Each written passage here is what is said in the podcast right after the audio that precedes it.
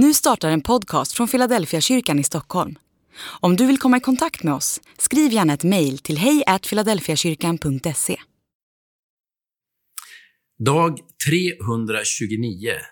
Som luften vi andas. Han är ju inte långt borta från någon enda av oss. Ty i honom är det vi lever, rör oss och är till.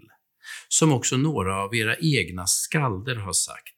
Vi har vårt ursprung i honom.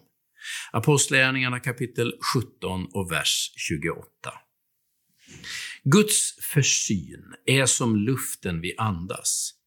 Vi kan inte se luften, men vi är helt beroende av den och vi är alltid omslutna av den. Skulle syret försvinna så skulle vi dö en snabb död. Vi kan ana luftens betydelse för oss och vi kan känna olika dofter, men den förblir osynlig för oss. Under större delen av mänsklighetens historia har vi varit helt okunniga om luftens verkliga funktion och sammansättning. Man har naturligtvis vetat att vi behöver andas, men varför och vilka komponenter man får i sig har varit helt okänt. Så tänker jag att det är med Gud. Vi är helt okunniga om Guds existens, men vi är ändå beroende av honom för varje andetag vi tar.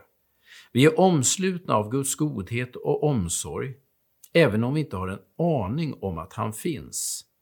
Paulus säger att Gud är den som ger oss liv och anda och allt, och att det är i honom vi lever, rör oss och är till. Istället för att tala om Gud så talar vi om tur, eller lycka eller slump. Men jag tror att det är Guds försyn som håller oss under armarna. Den är själva grunden för vår existens och utan den skulle vi dö på direkten.